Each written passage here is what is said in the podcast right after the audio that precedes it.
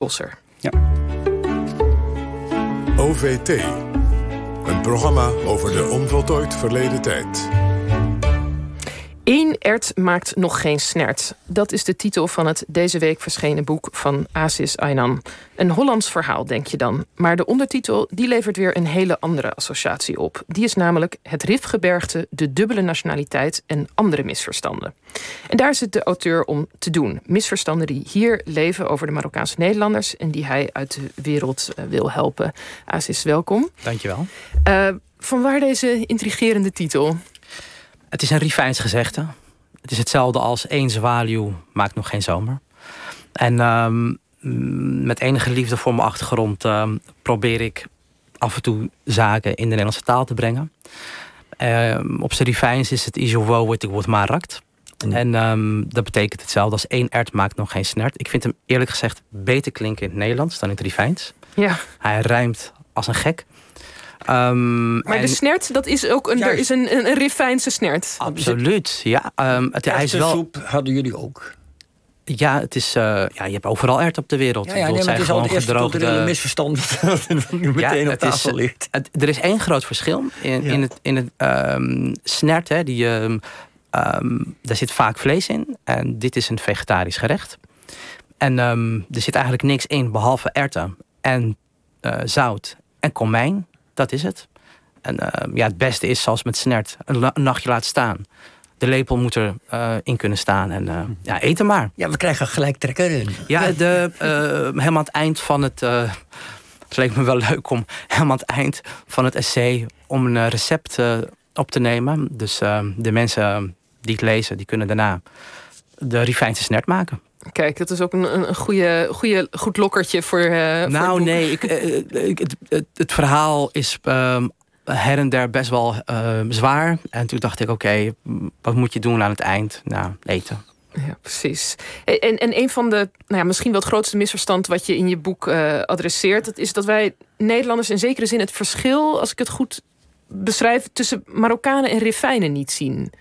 Ja. Uh, wat, wat, wat bedoel je daarmee? Nou, ik zie het verschil ook niet, moet ik eerlijk zeggen. Um, maar um, als we bij het begin beginnen, um, dus het Rifgebergte bijvoorbeeld, dat, ik, ik vind dat echt een, uh, echt een, een waanzinnig grappige misverstand. In, in Nederland hebben we geen. Dus het, verstand, het, het, het misverstand ligt niet in de Rif, maar eigenlijk in de polder verstopt. In Nederland heb je geen bergen. En eigenlijk zijn in de Nederlandse taal is de berg altijd iets um, engs. En um, in de Tour de France moeten we een uh, berg bedwingen of temmen. En, um, of je claimt een berg, hè, de Nederlandse berg. En ja, het, heel Marokko is een berg, zou je bijna kunnen zeggen. En uh, het is de Rif. En het is geen rifgebergte. Dus dat is bijvoorbeeld een, een misverstand. En trouwens, wat ik ook wel interessant vind in de Nederlandse taal...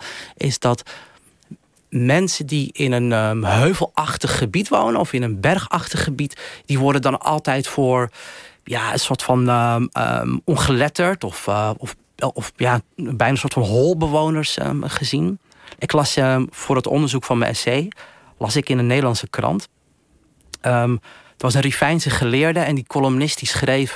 dat, kan, kon onmogelijk Rifijn zijn, want gestudeerd omdat hij dus um, um, ja, in een bergachtig gebied woont. Ja, want wij denken nou aan bergen, dan zit hij ergens in een berghutje. Daar zijn geen universiteiten of bibliotheken of iets. Ik weet niet hoe dat komt, maar ik, ik, ik wijd dat wel aan het feit dat we in Nederland geen berg, uh, geen berg hebben. Dat is wel echt een problematisch iets voor, voor, de, ja, eigenlijk voor ons Nederlanders. Maar, maar jij hebt het nu ook over rifijnen. Hè? Ja. Bedoel, wat, wat is dan precies, waarom heb je het over rifijnen en niet over Marokkanen? Nou, in Nederland wonen er eigenlijk geen Marokkanen dat is dus, dat is dus een, een misverstand dat ik uh, claim in het essay.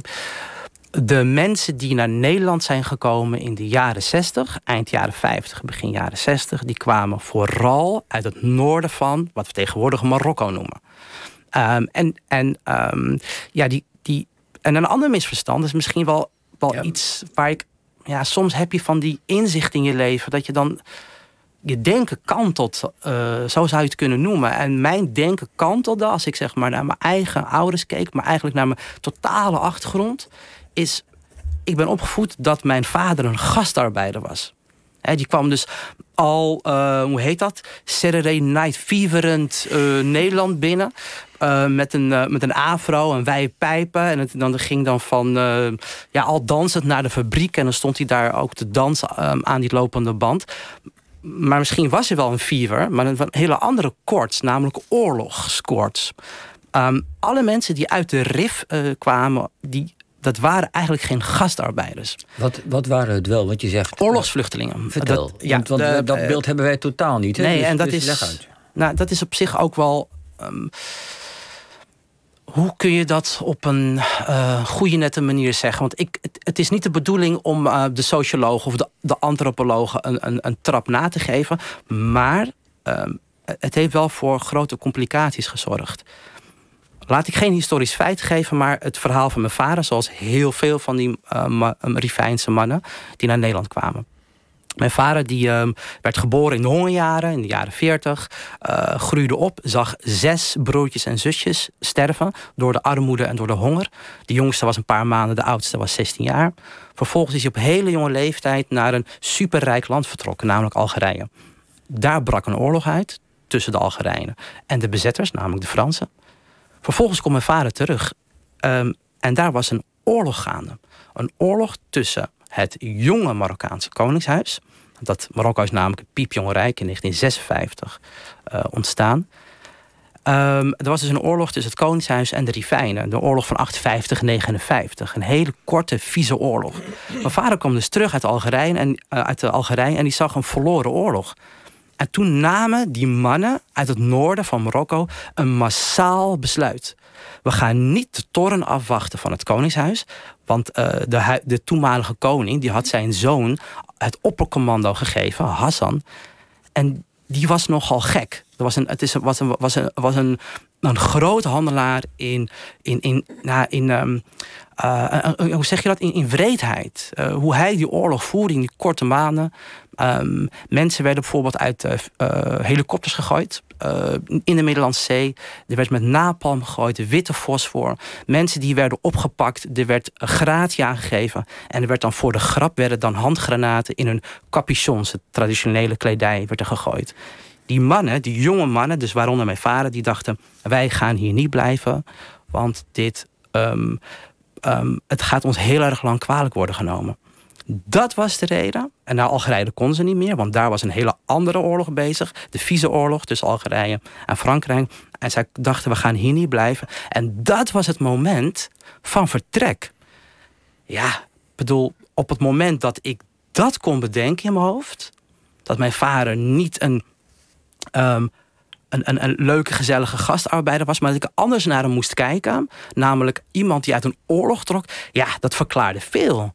Dat ja, en wat verklaart het dan veel? Ja, de, de eeuwige angst.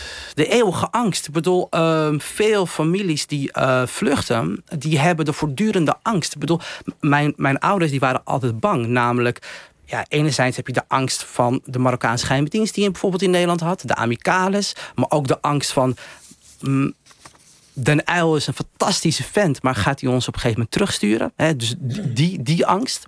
Um, ja, en de eeuwige schaamte. Ik bedoel, ik, ik moet altijd heel erg lachen als de sociologen en de psychologen zeggen: ja, de, Marokkaanse cultuur is een schaamtecultuur. Nou, ik dacht het even niet. Ik bedoel, de, kijk naar de dans. En uh, als je een, als je een tagine opent, dan zie je al die kleuren en al, al dat eten. Dat, die in die cultuur zit geen schaamte.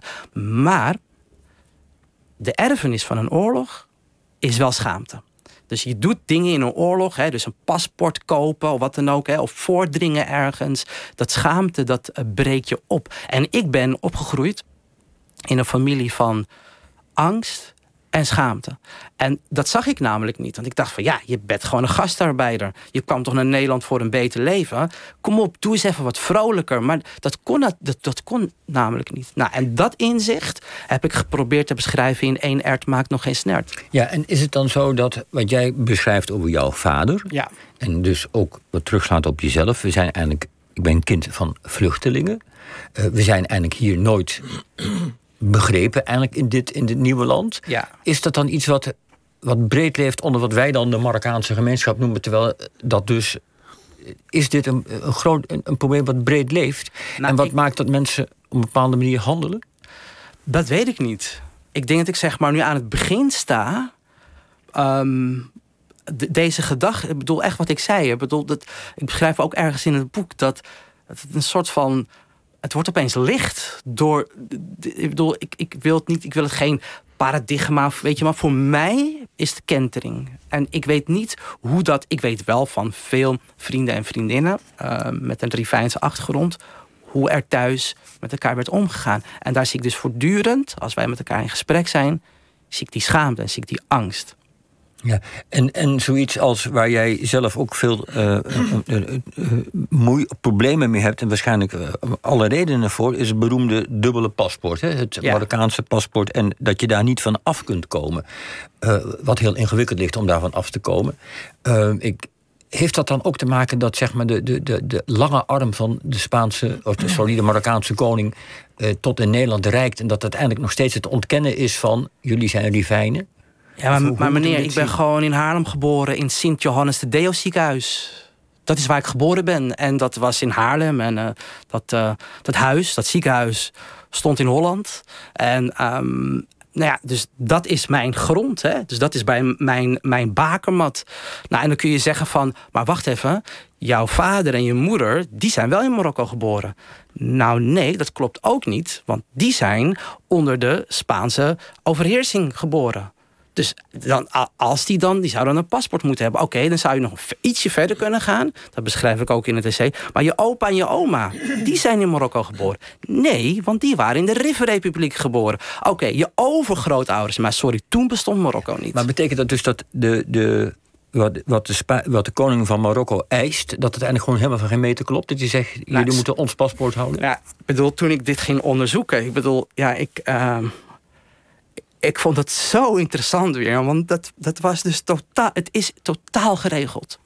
Zowel in de Nederlandse wet, namelijk um, dat je eigenlijk één nationaliteit hebt.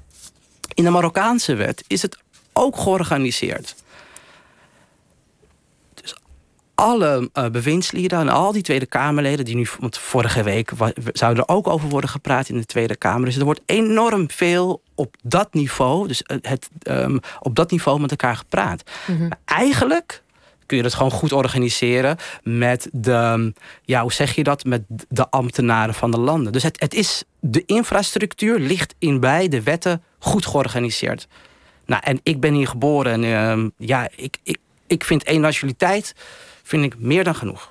Ja, goed. Nou, misschien is het een idee dat uh, die Nederlandse ambtenaren dan ook eens uh, jouw boek erop naslaan om ietsje meer te begrijpen wat hier allemaal uh, onder ligt. Aziz Aynan, bedankt. Die boek heet dus Eén Ert maakt nog geen snert en het is uitgegeven bij Van Oorschot. Dankjewel.